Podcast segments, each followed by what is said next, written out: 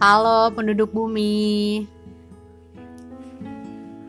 Hari ini banyak masalah yang datang sampai tak mampu menghadapi. Namanya juga penduduk bumi. Selagi kita bernafas dan hidup, itu yang selalu kita hadapi. Karena itu proses mendewasakan kita juga.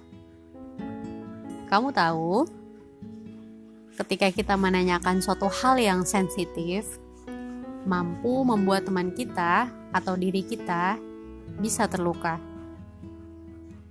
Kok bisa? Apakah itu motivasi atau membuat dia semakin terpuruk? Dalam hidup, manusia punya proses menuju hal yang lebih baik atau tercapainya suatu tujuan, semuanya butuh proses yang sangat panjang. Dalam perjalanan hidup, pasti akan ada banyak yang membuat kita tidak nyaman. Contoh hal kecil, namun bisa membuat kita berpikiran terus-menerus sampai penghujung jalan. Pada saat kita mahasiswa tahun akhir, sering akan ada pertanyaan yang sama dan terus berulang-ulang. Kapan lulus?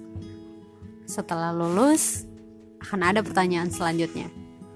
Kerja di mana? Kapan nikah? Akan ada banyak pertanyaan yang datang bertubi-tubi selama kita hidup di bumi. Wah, unik ya hidup ini. Semua hal dipertanyakan ya terkadang bisa juga membuat motivasi buat kita.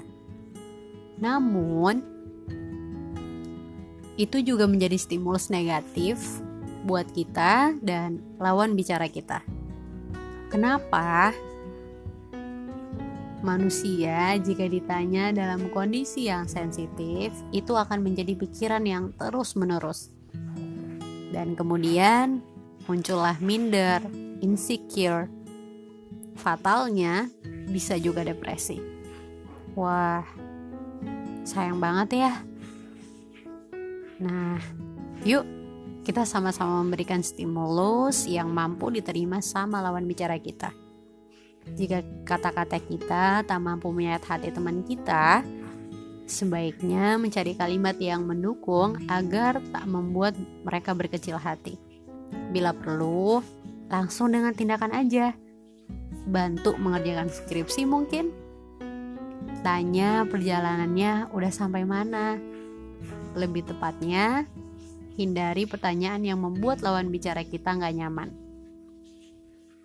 Karena setiap semua penduduk bisa menerima. Dan tidak semua penduduk bumi merespon dengan baik. Buat kamu dan kita semua yang pernah mengalami atau saat ini sedang mengalami semua orang kan punya versi masing-masing.